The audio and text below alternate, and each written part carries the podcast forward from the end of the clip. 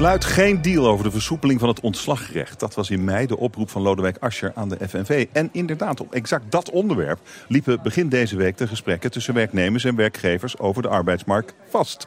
Wat is hier gebeurd? Heeft de vicepremier de FNV aan het lijntje? Politiek verslaggever Laurens Boven. Uh, wat denk jij? Zat Asscher hierachter? Is er een geheime agenda bij de vicepremier? Nou, ik heb de um, afgelopen dagen mij de blaren op de voeten gelopen in het gebouw van de Tweede Kamer om dat uit te zoeken, om die vraag beantwoord te krijgen. Want inderdaad, er is een strategisch argument te maken hè, voor uh, Lodewijk Asscher om dat te doen. Om dus uh, die onderhandelingen bij de SER over dat nieuwe sociale akkoord, over de arbeidsmarkt, om die te frustreren. Omdat dat heel slecht nieuws is voor de formatie, hè, voor Mark Rutte. Mark Rutte had zo'n deal nodig in de polder om een aantal arbeidsmarkthervormingen die hij wil makkelijk te kunnen uitvoeren. Daarvoor was die deal wel heel prettig. Omgekeerd is het voor de Partij van de Arbeid heel onhandig als de vakbond, wat toch altijd de, de vrienden zijn...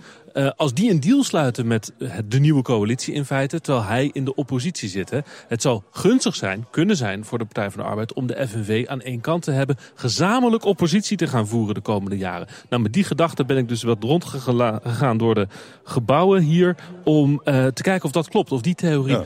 klopt. En?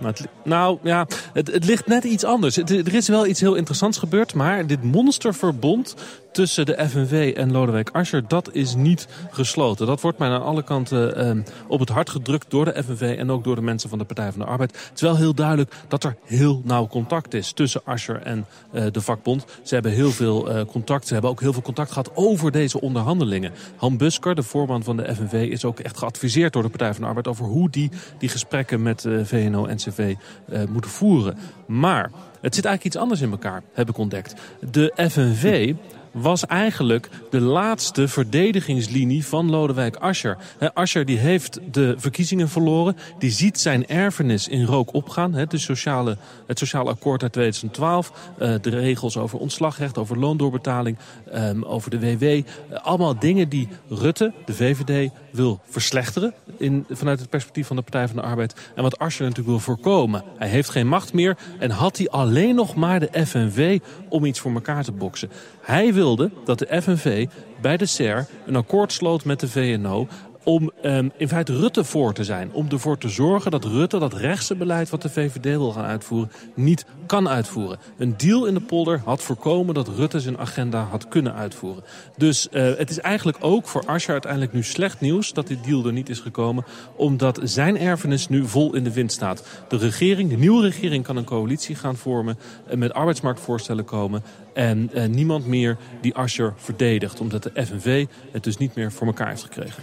Maar het, uh, het, het, uh, het, geeft een mooi inkijkje in hoe de politiek werkt uh, tussen twee coalitiepartners. Dat is, wel, dat is wel mooi dat je dat uitgezocht hebt. En wat betekent het voor de komende tijd? Want zo'n monsterverbond van tussen de Partij van de Arbeid en de FNV zou er nu wel kunnen komen. Hoewel de Partij van de ja. Arbeid wel heel klein geworden is natuurlijk. Nee, dat klopt. De Partij van de Arbeid is uh, klein, maar ze zijn niet helemaal alleen. Ze hebben ook nog de SP en ze hebben ook GroenLinks. Het wordt mij bij die twee partijen ook wel duidelijk dat ze elkaar gaan opzoeken. Dat ze, ze op links nu weten, nu er een rechtskabinet komt, dat ze elkaar nodig hebben. Dat ze samen moeten gaan optrekken. En inderdaad, het verbond Um, was er dus niet. Dit was niet een vooropgezet plan van Asscher om het te laten klappen... om op die manier de FNV naar zich toe te trekken.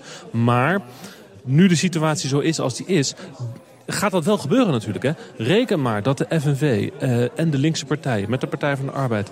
dat die elkaar gaan opzoeken. En dat er dus een soort coalitie zal ontstaan tussen linkse partijen in het parlement... en de vakbonden ja, op het Malieveld, zeg ik maar even voor het gemak. He, dus dat er een gecoördineerde um, oppositie komt in feite op straat en in het parlement. Wat dat betreft heel uh, aardig wel dat juist deze week de eerste staking al is aangekondigd. Hè. De, scholieren, nee, sorry, de leraren in het basisonderwijs die gaan staken op 5 oktober. Um, in Den Haag overigens, niet op het Malieveld, maar in het Zuiderpark. Dus die komt er al aan. Dus ik ga ervan uit dat dat gaat gebeuren. Dus Asscher die zal uh, van de nood een deugd maken.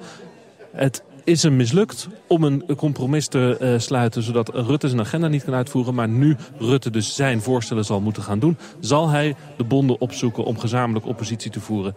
op straat en in de Kamer. Politiek verslaggever Laurens Boven, dankjewel.